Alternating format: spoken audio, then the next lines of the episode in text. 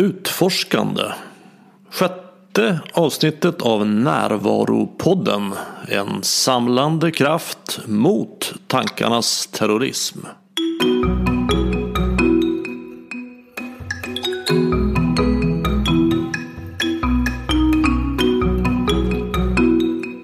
Det här är Bengt Renander.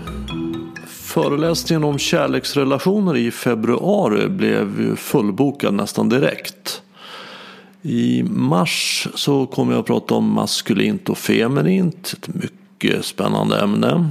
Då kommer jag ge ett användbart sätt att se på maskulin och feminin energi. Och berätta om hur du kan använda dem för att skapa balans i ditt liv. Och inte minst för att få uppleva attraktion och passion. Föreläsningen kostar 250 kronor och du anmäler dig under fliken en kväll om på min hemsida renander.nu. I det här avsnittet så pratar jag med Lasse Lycknell och Lasse är doktor i företagsekonomi och arbetar som forskare och lärare på Handelshögskolan i Stockholm. Och han utforskar vad som händer i gränslandet mellan människors inre utveckling och deras ledarskap och verksamhet. Och han arbetar också som konsult med företag och organisationer. Och vi börjar med att Lasse själv får berätta mer om vad han gör. Jag heter Lasse Lycknell och eh, jag jobbar med forskning eh, och undervisning på Handelshögskolan i Stockholm. På en institution som heter Företagande och ledning. Och ehm, jag intresserar mig för framförallt två saker. Det ena är hur ledare och andra integrerar insikter från eh, meditation och personlig utveckling med sitt yrkesliv. Och det andra är hur organisationer kan arbeta med initiativ för att föra in mindfulness och compassion och andra typer av träning som, som stödjer ett, ett ökat medvetande. Hur man kan i organisationer arbeta för att föra in det och, och också få ut någonting av det. Jag har två, två projekt som jag jobbar med och eh, ett handlar om den här hur ledare integrerar insikter och det andra om hur organisationer jobbar. Mm. Och var, var, var, var, står du där? Vad, hittar du? Vad ser du? Um, så när det gäller det första så har jag, jag har jobbat fem år eh, med, med eh, grupper av ledare eh, som jag har hjälpt i deras integrationsprocess i, i en, en gruppprocess. Eh, som tar ett år. Jag har jobbat med, med fem sådana omgångar och, och jag håller på att avsluta nu i vår så, så avslutar jag den, den sista av de fem. Och efter det så kommer jag att, att börja jobba med det materialet. Men redan nu så, så har jag lärt mig väldigt mycket och, och ja, förstått ganska mycket om hur den processen kan se ut. Om vi, om vi börjar från början så, så lever vi i en kultur idag där, där fokus ligger väldigt mycket på det yttre. Vi gör saker för att och, eh, skapa situationer som vi tror att vi vill ha. På något sätt så, så är det aldrig riktigt tillräckligt och, och vi gör mer och mer och mer. Och sen för vissa så, så kommer man till en punkt där man inser att det, det borde finnas något annat. Eller det här räcker inte. Eller för några så blir det ett, ett brutalt uppvaknande att man kanske blir av med jobbet av någon anledning eller blir sjuk eller, eller så. Och så börjar, så börjar vi titta inåt.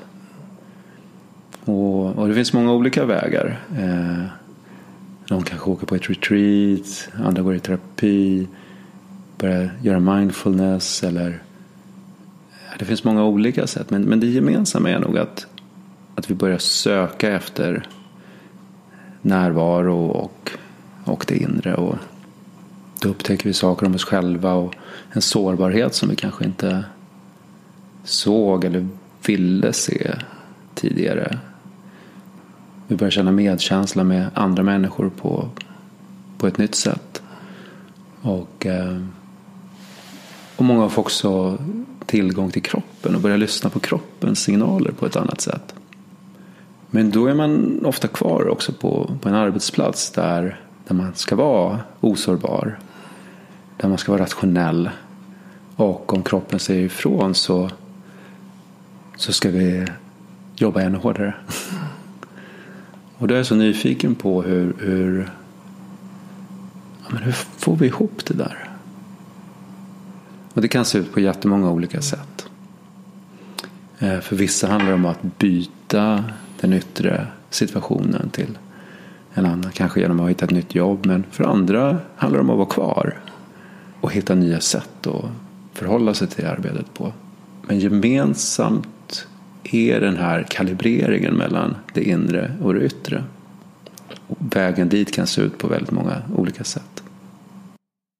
Det, det, låter som att du pratar om att, att komma i en livskris. Alltså att, att ens fokusering på det yttre mm. tar en så långt så att man hamnar i en kris. Man vet inte längre vem man är. Man börjar fokusera inåt. Och sen så behöver man då hitta en sorts balans i livet efter mm. det. Precis. Livskris skulle jag säga är en ytterlighet. Men det finns många som, som mer har den här, att det är mer en kontinuerlig process av man känner, och man har kanske länge känt att men det, borde, det borde finnas något mer. Det är mer en nyfikenhet mm. eh, också. Så att det kan se ut på många olika sätt. Men, men livskris är, är kanske det klassiska exemplet på uppvaknande. Ja, min erfarenhet är nog både utifrån mitt eget, min egen utveckling och de jag träffar att de, de flesta som är på den här vägen mm. de är det för att de har haft tillräckligt med smärta. Ja. Ja. Då, vi fick nog. Mm. Det, det, det, gick liksom inte längre. Nej. Och då började vi söka inåt efter mm. en lösning och hittade den. När jag pratar om medvetenhet mm. så menar jag förmågan att till, skilja mellan tankar och verklighet. Alltså det handlar inte om att sluta tänka. Mm. För det, det, kan jag fortfarande göra. Men jag kan skilja på att jag tänker någonting och på, på det som händer faktiskt här nu. Mm. Det är medvetenhet i min värld. Vad, mm. vad, vad, vad, menar du när du mm. pratar om medvetenhet? När jag pratar om det nu så tänker jag på det som att skapa ett, ett glapp mellan mig själv och de tankar, de känslor och de fysiska förnimmelser som jag upplever. Och motsatsen då skulle ju vara att jag identifierar mig med dem. Skillnaden mellan att jag är arg och jag upplever ilska. Mm. Mm. Då är det inte jag, jag är inte ilskan. Nej, exakt, en del av mig är arg. Ja. Mm. Och när man kommer till den insikten så har man ju också kommit till en, en annan del. Det är alltså den bevittnande delen. Just det. Just det. Mm. Och då har man två delar i sig. En som är mm. arg och en som kan bevittna det. Mm. och sen när man har tränat lite mer så kan man gå till den som bevittnar. Ja, exakt. Mm. Och inom psykologin så, så kallas det för uh, subject object. Uh, det här att det som tidigare var subjekt, alltså ilskan, blir objekt. Mm. Eh, och subjektet kan betrakta objektet. Mm. Precis, och, mm. och, då har man hittat till den djupare delen av sig själv. Mm. Det är vittnet. Mm. Exakt. När jag började prata om det här, för det är, det är snart 20 år sedan, mm. pratade om närvaro och medvetenhet så fanns det nästan ingen förförståelse alls. Det var mm. nästan ingen mm. som hade mediterat eller jag vet att det var många som du, du Bengt, det, det där låter flummigt. Mm. Men det här är ju själva verket motsatsen till flum. Mm. Det handlar om att sluta vara flummig. Mm. Alltså, ja, jag brukar tänka så också. Det, mm. Att komma till verkligheten. Alltså det här som jag håller på med är ju, går ju helt hand i hand med den vetenskapliga metoden. Mm. Alltså vi är ute efter att ta reda på vad händer i verkligen. Mm. På riktigt. Mm. Bort bortom tankarnas illusion. Och idag när jag pratar om, om det här i, i företag så, så finns det en väldigt stor förförståelse. Mm. Många har mediterat och det, det, finns eh, som en mer naturlig del. Hur skulle du säga, hur, hur, hur, hur mogna är, är svenskt näringsliv idag? Min bild när jag, när jag kommer ut och pratar i organisationer så, så precis som du säger så finns det många som har mediterat. Jag, eh, jag känner inte att jag behöver eh, rättfärdiga eh, det här intresset att prata om de här sakerna. Utan att, att det finns en, en stor eh, nyfikenhet skulle jag säga. Och eh, också när jag, när jag jobbar med studenter, jag undervisar ju också. Och, och nu, nu på för under förra terminen så jag undervisade jag ett, eh, en kurs som heter Global Challenges som, som eh, som handlar om, om de globala utmaningarna. Det är ett helt nytt spår som vi startat på kandidatprogrammet. Eh, och, eh, och då har vi en kurs där som heter Being, en delkurs. Den handlar om vem är jag i relation till klimat och, och fattigdom, migration och vatten och alla de här globala utmaningarna. Um, och då jobbar vi med, med mindfulness och compassion och self-compassion. Och värderingar och, och sådana saker. Um, och det har, eh, det har mottagits helt fantastiskt av studenterna. Ehm, och många av dem har ju redan gjort liknande saker. Och för många, de allra flesta, så är det nytt. Men, ehm, men det har varit otroligt roligt att se hur, hur stort intresse eh, det finns. Så jag tror att, att de som är unga idag ligger långt före. Eh, men de du och jag möter i, näringslivet har också kommit en bra bit jämfört med tidigare. Mm, absolut. Um, och det sker liksom på alla, eller många nivåer. Jag tänker på, på verkligen exploderat forskningen om, om just mindfulness de senaste 20 åren kanske. Det bidrar ju förstås också. Men sen, och det kanske inte är lika, eh, känns inte lika skönt så finns det ju också en, en otroligt, ett otroligt starkt fokus i samhället på det här att hela tiden förbättra sig själv och, och vara sitt bästa jag. Och, och eh, om jag inte är lycklig så är det mitt fel och då måste jag göra något åt det. Eh, ja, och, och och det bidrar nog också, de idéerna bidrar nog också till att, att det finns en större acceptans och intresse för mindfulness. Men, men mer som ett medel för att nå eh, någonstans. Och, eh, det angreppssättet tycker jag själv inte är, känns lika bra. Angreppssättet att? Att se mindfulness som, som eh, ett sätt att köpa sig lycka till exempel. Mm, intressant, kan du säga något mer om det? Men jag känner mig kluven ibland. Eh, den här industrin som byggs upp. Och den nästan hysteri som, som eh, det finns. Att man ska ha kanske den senaste mindfulness-appen och man ska gå på de och de kurserna. Och, och jag kan ju känna att det finns en, en vibe i det här som, som är precis motsatt det som man egentligen vill åstadkomma. Ja, det är ju lätt att, att egot griper tag i det här också. Att man, ska, man får in rädslor och begär i att jag mm. måste vara mer mindful. Ja, nu är jag inte tillräckligt mindful. Nej, och det är så otroligt lätt att och man kanske har en väldigt stark identitet i, i, i det yttre. Och att den nästan omärkligt skiftar till en väldigt stark eh, spirituell identitet istället. Mm. Och, och på, på, något sätt så, så har man ju inte kommit någonstans då, även om det kan ha hänt väldigt mycket. Mm. Um, och jag, jag får ju själv brottas med, med de frågorna mycket. Mm. Um, um, och jag har inga bra svar. nej, nej det är, för, för, det är ju så fort man får en identitet, jag är arg. Mm. Eller jag är en andlig sökare. Mm. Jag är upplyst. Mm. Jag, jag, är närvarande. Mm. Så är vi ju borta. Mm. Alltså då, då, hamnar vi in i dramat igen.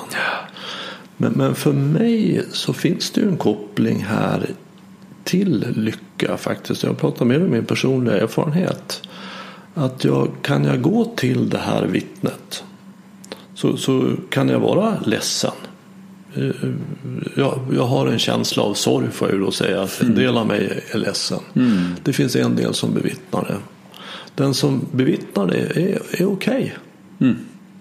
Jag är ledsen och det ingår i den mänskliga erfarenheten att vara mm. ledsen eller rädd eller känna sig fånig eller, mm. eller vad nu den är för känsla. Mm. Men när jag har tillgång till vittnet mm. som kan se det utifrån så är jag på en plats som är okej. Okay. Mm. Och för mig är lycka kanske inte den här himlastormande glädjen att man hoppar utan för mig är lycka mer en stilla bäck som mm. porlar i mig. Och som jag kan komma i kontakt med faktiskt så fort jag kommer hit mm. till det här ögonblicket. Mm. Så, så är jag i kontakt så hör jag porlandet mm. från bäcken mm. oavsett hur jag känner. Mm. Och vad det finns för identiteter som mm. jag är, känner mig rädd eller dum eller vad det är för någonting. Så kan jag gå till den platsen och, och insikten där är att, att jag behöver inte bli lycklig. För jag är det redan. Och, och det här ögonblicket som är just nu det behöver inte bli bättre än så här. Jag behöver ingenting mer i mitt liv för att bli lyckligare än vad jag är just nu. Det här är helt, helt tillräckligt mm. för mig. Mm. mm. jag förstår precis vad du menar. Jag gillar också hur du, du väljer med, med metaforen en, en, en, en stilla porlande bäck. Vilket man skulle kunna tycka en, en motsägelse. Men det är ju inte det. Mm. uh, nej, jag håller ju förstås med om det. Men det, jag kan tänka att många tycker att det är lätt att prata om det i, i teorin och, och i, i, i, vardagen och verkligheten så, så är det um, så brottas man med, med, med, med det. Ja, alltså det är inte lätt. Det, det, det mm. tycker jag är viktigt att understryka. Mm. Det, det, det, här är inte en lätt väg att, att gå till att desidentifiera sig med, med egot. Allt det här man tror att man är eller mm. borde vara och sina känslor och sina tankar. Men, men vi ska också komma ihåg att det är inte lätt att låta bli heller. Livet, det omedvetna livet är heller inte lätt. Det är väldigt, väldigt smärtsamt. Mm.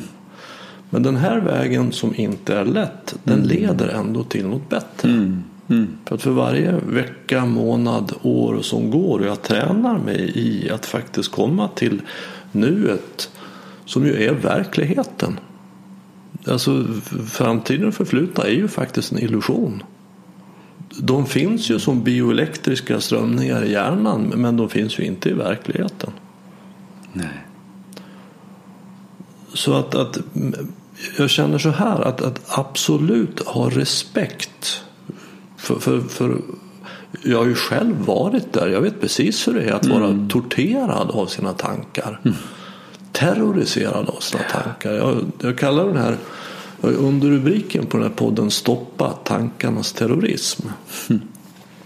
Och jag menar att det är en terrorism som skördar fler offer och kostar mer pengar än vilken annan terrorism som helst vi har här på jorden.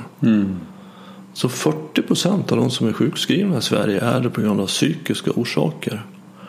Och eh, jag vet inte om du känner till någon mer forskning om det. Jag gör det inte. Men min gissning är att, att väldigt många av dem är det för att de är terroriserade av sina tankar. Vad man borde vara, borde göra, hindra med stress. Så att, att det finns en lösning. Mm och det tycker jag är väldigt hoppfullt. Och det är ju inte att skam eller skuldbelägga de som, som är där, som är utsatta för terrorismen. Utan det finns en lösning som handlar om att se igenom tankarnas illusion. Vad vet vi om mindfulness? Alltså som är belagt i forskning. Ja, alltså de där frågorna tycker jag är, är så svåra för att det, det finns så mycket studier. Ehm, det finns ju lite olika typer av forskning då, men, men en väldigt vanlig forskning är, är ju att, eh, att man försöker kanske göra en intervention så att, att folk får eh, ja, träna mindfulness och så mäter man då sen vilka effekter som har, har uppstått. Och, eh, och det finns mycket studier då som pekar på effekter som har med uppmärksamheten att göra. Att, det, att vi eh, blir bättre på att styra den. Att det inte tar lika mycket resurser, alltså kognitiva resurser att styra den. Klarar att hålla kvar den längre. Eh, vi får en så kognitiv flexibilitet brukar man prata om. Att, att det blir lättare att byta perspektiv eller att man minskar bias.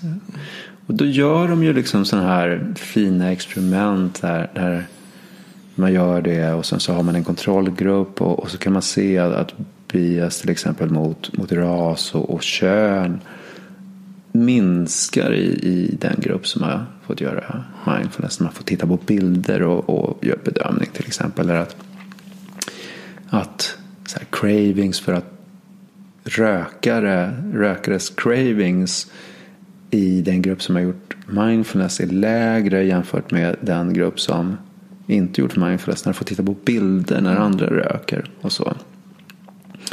Um, men för att kunna säga någonting Någonting som är signifikant metodmässigt så behöver man ofta skala av så mycket eh, för att kontrollera vissa variabler. Att det blir ganska svårt att sen överföra det här till verkliga situationer. För då är det så mycket annat som kommer in i bilden. Och, och även om man, man försöker att skala av och kontrollera så, så är det så mycket som vi inte kan kontrollera. Till exempel men hur mycket har det med den som lär ut mindfulness att göra? Att den personen är så här närvarande. Hur mycket är sådana här överföringseffekter? Mm. Så det är svårforskat. Ja, men det är, ett, det är ett svårbeforskat fenomen om man jämför med, med naturvetenskapliga fenomen, mm. fysik och, och, och, så. Som ju är det vetenskapsideal som vi har. Mm. Men jag tycker ändå om vi, om vi är lite pragmatiska så, så tycker jag att den, den forskningen har, har kommit väldigt långt. Och även om man har problem med, med olika typer av definitioner och att inte man mäter olika saker och, och, så. Så tycker jag ändå att den har kommit tillräckligt långt för att ge oss för att peka på att men här finns något intressant att titta vidare på. Ja, det är svårt att genomföra också komparativa studier, alltså jämförande studier. Att ha en grupp som får, får det och en annan grupp som inte får det. För det finns så många andra variabler. Mm. Exakt. Så det är väldigt svårt att urskilja vad är mindfulness. Jag har ju sett på konferenser har jag sett forskare prata om, om de, en grupp gör mindfulness, en annan grupp lyssnar på Mozart och, och båda får lika bra effekt. Då. Mm. Och, och då rapporteras ju inte den studien. Så att det finns också en bias mot att man rapporterar bara positiva resultat. Inte de där, där, forsk- mm. där, där resultatet inte går i linje med hur man skulle vilja. Mm. Så, så mindfulnessforskningen har mycket problem. Men min, min, min, äh, min hållning är ändå att den, den har tillräckligt mycket intressant för att det, att det ska vara, vara värdefullt att titta på det verkligen. Mitt intryck är ändå att det verkar vara helt belagt att det har ett, ett väldigt positiv effekt vid stressreducering. Stressreduktion är ett av de mest välbeforskade områdena inom mindfulness. Och, och, och, och där tycker jag verkligen att, att det finns tillräckligt mycket som pekar på, på att det ger goda effekter, verkligen. Och där har vi ju ett enormt problem i Mm. vårt samhälle idag. Och, och så finns en lösning som vi ännu så länge är relativt dåliga på att använda. Mm. Ett annat sak som du pekade på det var att rikta sin uppmärksamhet. Det tycker jag är en väldigt intressant del. Mm. Alltså förmågan att rikta sin uppmärksamhet. Eh, väldigt många människor, och jag, jag pratar också med mig själv som det var förr, hade ingen förmåga alls utan uppmärksamheten å- åkte runt som buddhisterna kallar ett monkey mind. Alltså som en apa i ett träd. Det bara hoppar runt. Det fanns ingen, ingen som kunde styra det. Det kan jag tycka att det gör fortfarande för mig. Absolut, det, det, det, det gör det för mig också. Eh, Det gör det för mig också. Men idag har jag ändå en annan. Jag har fått tillgång till ett verktyg. Jag, jag ser det mer som att jag har en ficklampa. Som jag kan lysa på två platser. Jag kan lysa på den i tankevärlden. Och lyser jag på den i tankevärlden så ser jag en apa som hoppar runt i ett träd. För, för det, det är det som försiggår där för mig fortfarande. Men jag kan också rikta uppmärksamheten mot upplevelsevärlden. Alltså det som jag förnimmer med mina sinnen här nu. Och, och det är en sån enorm tillgång. För det är inget fel på tankevärlden på något sätt. Det är fantastiskt att kunna tänka. Det är fantastiskt att kunna lära av det förflutna och planera för framtiden. Men att inte missa det som pågår nu. För det är så lätt att hamna i tankevärlden hela tiden. Den, den graviterar som du använde uttrycket tidigare. Den drar uppmärksamheten till sig. Och är man där hela tiden så missar man ju det som pågår här nu i, i verkligheten. Och vi vaknar ju varje morgon med ett begränsat, vi har begränsad energi. Alla människor säger att vi har hundra energienheter att göra av med. Och, och det är väldigt lätt om man inte kan rikta sin uppmärksamhet att väldigt mycket av den energin går åt till tankevärlden. Som är en fantasivärld. Och vi, vi har väldigt lite kvar energi att rikta mot det som faktiskt händer. Möten med de människor vi, vi träffar, våra barn, partners, föräldrar, vänner, arbete, naturen, kaffet, maten. Vad, vad, vad tänker du om det? Nej, men just nu så känner jag, känner jag lite sorg när jag tänker på hur mycket energi som jag själv eh, lägger på, på det som faktiskt inte är viktigt. Ehm, Och vad är det som är viktigt? jag tänker mycket att vi, vi alltid är i situationer och, och att, att vara i dem är, är, är viktigt för att kunna höra vad situationen behöver. Det är det ena. Och, um, och det andra är, handlar om, om vad, jag, vad jag vill bidra med. Men vad, vad som ger mening för mig. Mm. Så. Vad vill du bidra med? Vad ger mening för dig? Jag tycker om att bidra till människors utveckling. Jag känner väldigt stor tillfredsställelse när jag, när jag gör det. När jag får jobba med, med, med mina grupper till exempel. När jag får jobba med studenterna. När jag kanske sitter med en ledningsgrupp och, och jobbar med dem. Eller bara i ett möte. På en strand. Ett oväntat möte med en person som jag aldrig träffat tidigare. Det ger mig en, en, en mer direkt tillfredsställelse än till exempel när jag får en vetenskaplig artikel publicerad. Men jag tror det bidraget också är viktigt, eh, även om det är mer abstrakt. Förstår vad du menar. Jag, jag hade en period här innan jul då det var väldigt mycket omkring mig. Mycket saker som jag gjorde och som tog min uppmärksamhet. Och jag kände att jag, jag tappade bort lite grann det här centrum. Och, och då slog det mig också att det finns ingenting viktigare för mig än att ha den kontakten. Alltså tappar jag bort kontakten med mig själv, med mitt centrum. Så är, då är allt borta. Det spelar ingen roll om jag vinner utmärkelser eller får stora jobb eller beröm eller vad det nu än är. Det, det, det är inte viktigt. Utan det viktigt är kontakten med det här centrum. ibland så kommer de här frågorna eller kommentarerna om att det låter så här väldigt, det låter väldigt självcentrerat. Och den, liksom den lite hårdare skrivningen då, egoistiskt. Vad har du, vad har du för tankar kring det? Mm. Alltså på ett sätt kan man säga ja. Alltså det är men på ett annat sätt nej. För att det är inte förrän jag har kontakt med den platsen som jag på riktigt kan göra något för någon annan. Mm.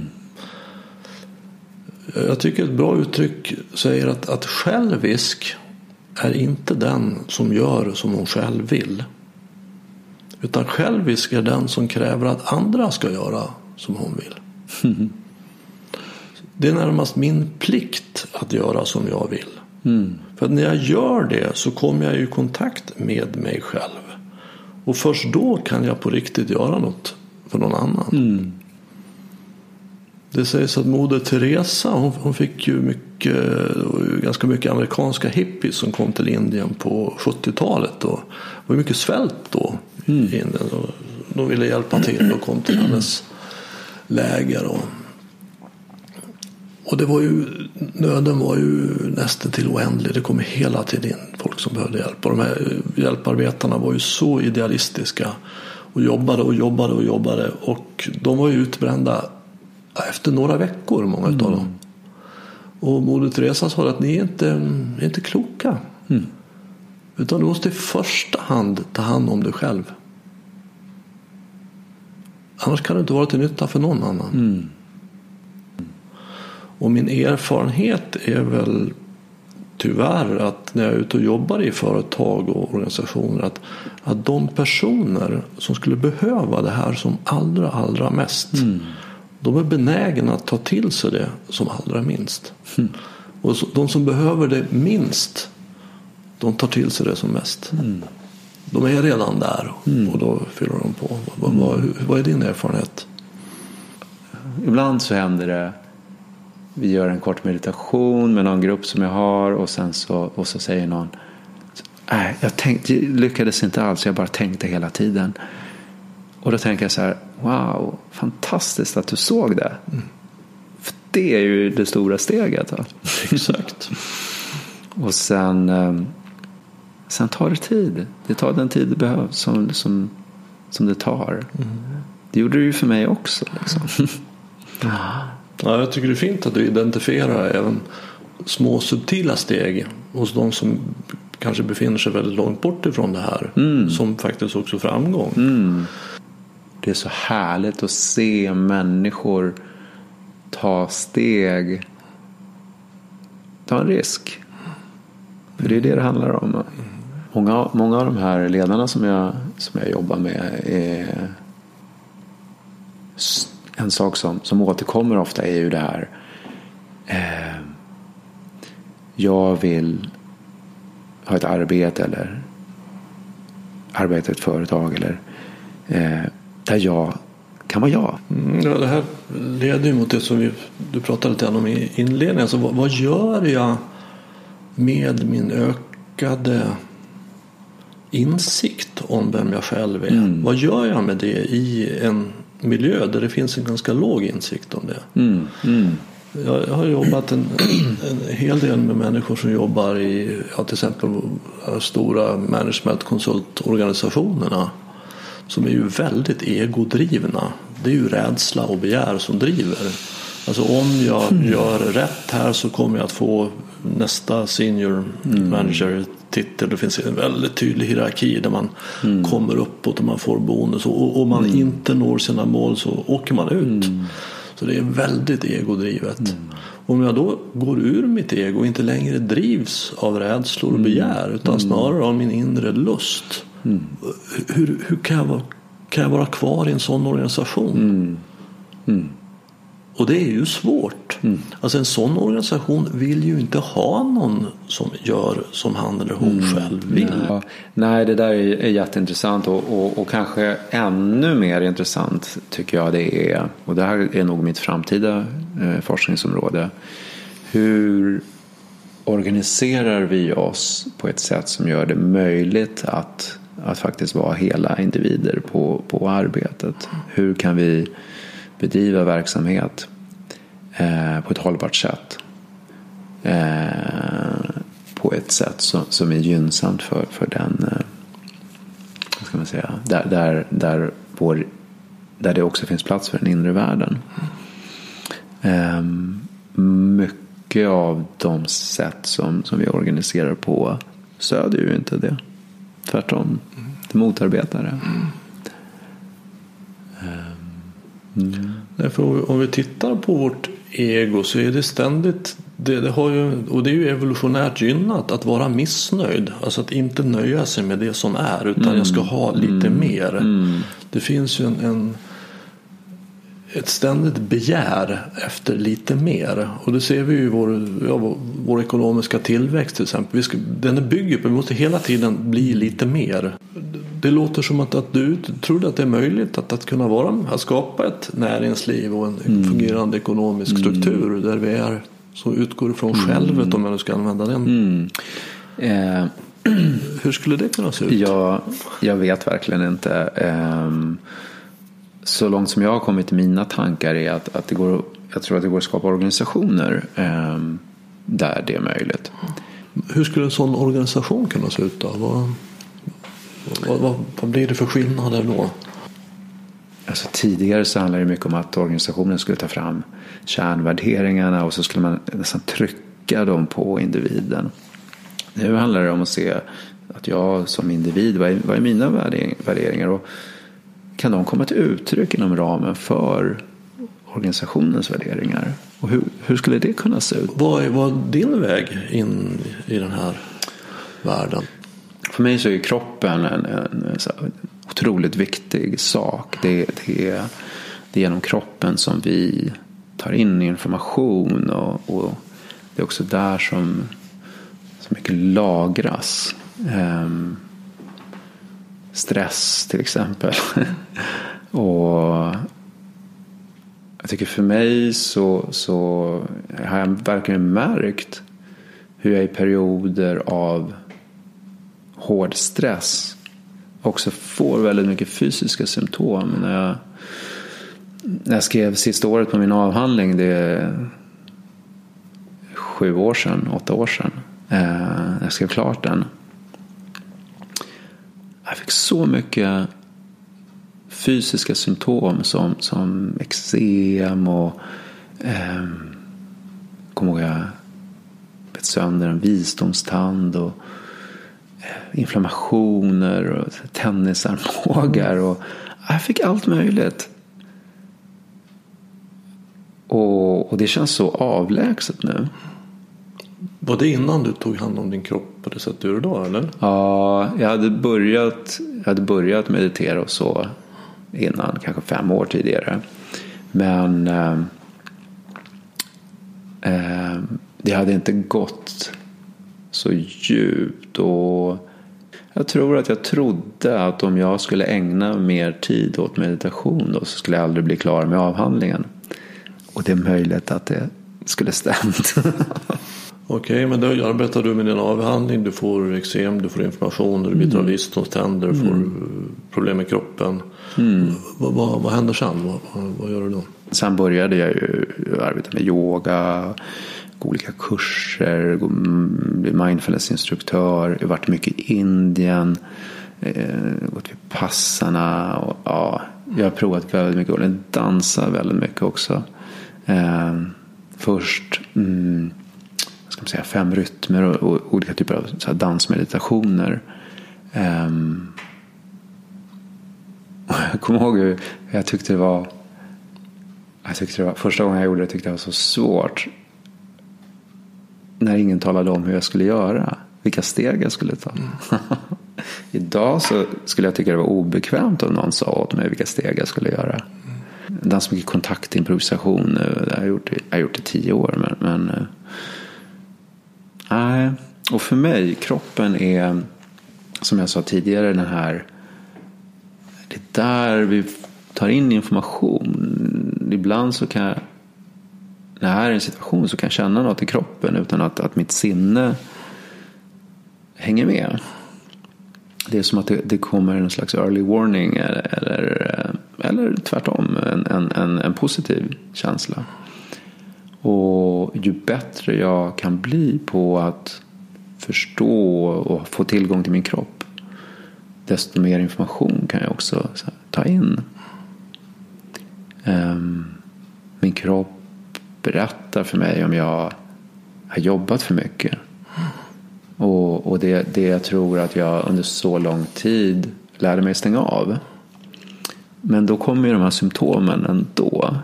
Ehm, det är som att kroppen eh, försöker tala om för mig. Liksom. Även om jag inte lyssnar då, då tar den till andra medel. Det är, liksom, det är så jag tänker på det. Och jag har ju mått mycket bättre. Otroligt mycket bättre. Sen, sen jag började ta hand om mig. Mm. Alltså ett, ett sätt att se hos människor, ett sätt att strukturera, det finns många. Men ett är att, att se att vi är kropp, känslor och tankar. Mm. Det finns de tre systemen. Och kroppen är ju alltid helt och hållet närvarande. Mm. Den är alltid i verkligheten. Så den är egentligen det sannaste systemet. Mm. Så att när vi tappar kontakt med kroppen så tappar vi kontakt med en otroligt viktig informationskälla om vad som händer i oss. Mm. Och många har inte kontakt med sin kropp. De är identifierade med sin tankevärld. Jag kommer att tänka på en, en, en bekant till mig som han var vd i ett stort eh, konsultbolag. Och jobbade mycket, stressade mycket och han fick ju de här klassiska stresssymptomen, yrsel och börja glömma saker och så. Men, men han, han såg det ju så som att det var eh, kroppen som krånglade med honom. Mm.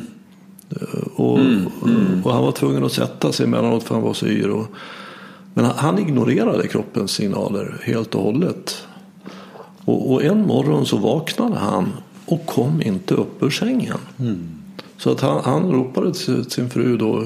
Lotta du, du måste ringa efter en bil som kan ta en bår. För jag ska till ett viktigt styrelsemöte. Mm.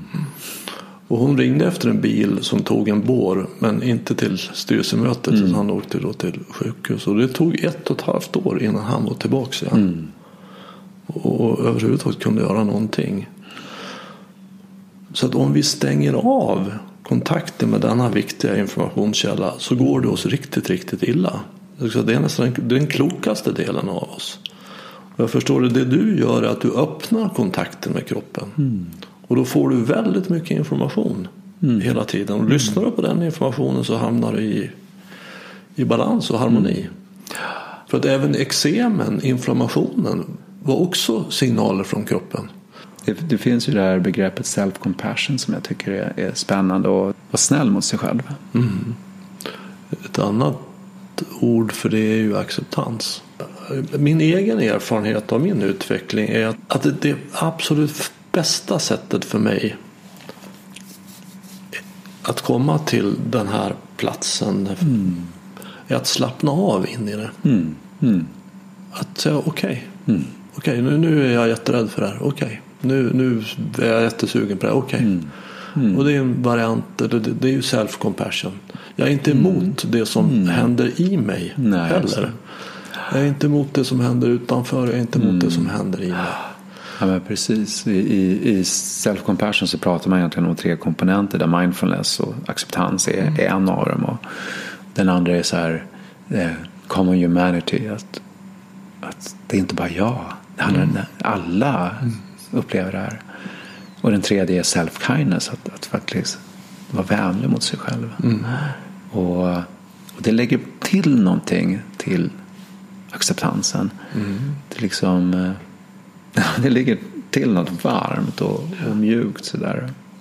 Sen tycker jag att det var intressant här du sa, det är inte bara rädslor och, och, och begär som driver. Och, jag tycker jag sätter fingret på det för att det är så det är så komplext. Det är så mycket i, i, i våra drivkrafter. Det är inte svart eller vitt utan det finns nyanser och vibrationer av liksom blir ett ackord. Mm. Mm. Ja, det är väldigt komplext att vara människa. Mm. Det är väldigt komplext att analysera sig som människa. Mm. Men just det tror jag att du är inne på där, att, att vara människa. Mm. Eh, kroppen är nu. Mm. väldigt enkelt. Men eh, det kan jag tycka är utmanande att, att vara i en bransch där, där analysen är, är, är, har, tar så stor plats. Mm. Mm. Analys är mitt jobb. Liksom. Mm. Ja, nej, jag, jag, gick en kurs på universitetet här i höstas om hjärnans biokemi. Mm. Och för varje föreläsning jag var på mm. så var min känsla att herregud vad lite jag vet. Mm. Jag vet ingenting. så går jag på nästa föreläsning nu vet jag ännu mindre. Mm. Så när kursen var klar så vet nu vet jag, jag har en aning om hur otroligt lite jag mm. vet om mm. hjärnans biokemi. Det, ja. Det är en del av upplevelsen. Naturligtvis så vet jag lite mer än vad jag gjorde innan. Ja, det gör jag. Men jag vet framför allt ja. hur, hur lite jag vet. Och det är nog min upplevelse också när jag tittar inåt i mig själv och jag lär mig om mig och mm. att vara människa. Hur, hur lite jag faktiskt vet i, på ett intellektuellt plan. Mm. Hur lite jag förstår. Mm. Så att jag, jag, jag tycker det är fullständigt mysterium att här sitter det två högar kolatomer och pratar med varandra. Mm. Men så att ska jag närma mig det här att vara mig utifrån ett förståelseperspektiv, analys, så blir jag ganska fort vilsen. Men jag har lärt mig att uppleva det. Mm. Jag kan helt och hållet uppleva mm. vad det innebär att mm. vara mig mm. och att vara människa mm. på ett annat sätt. Så det har framförallt mm. den här resan gett mig. Okej, okay. är det något, har du något som du känner att du vill få med här, tillägga, säga?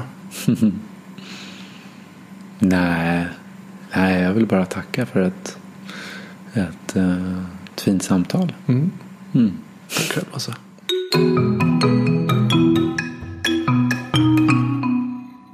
Veta mer om Lasse så hittar du en länk till hans företags hemsida under fliken Närvaropodden på min hemsida renander.nu.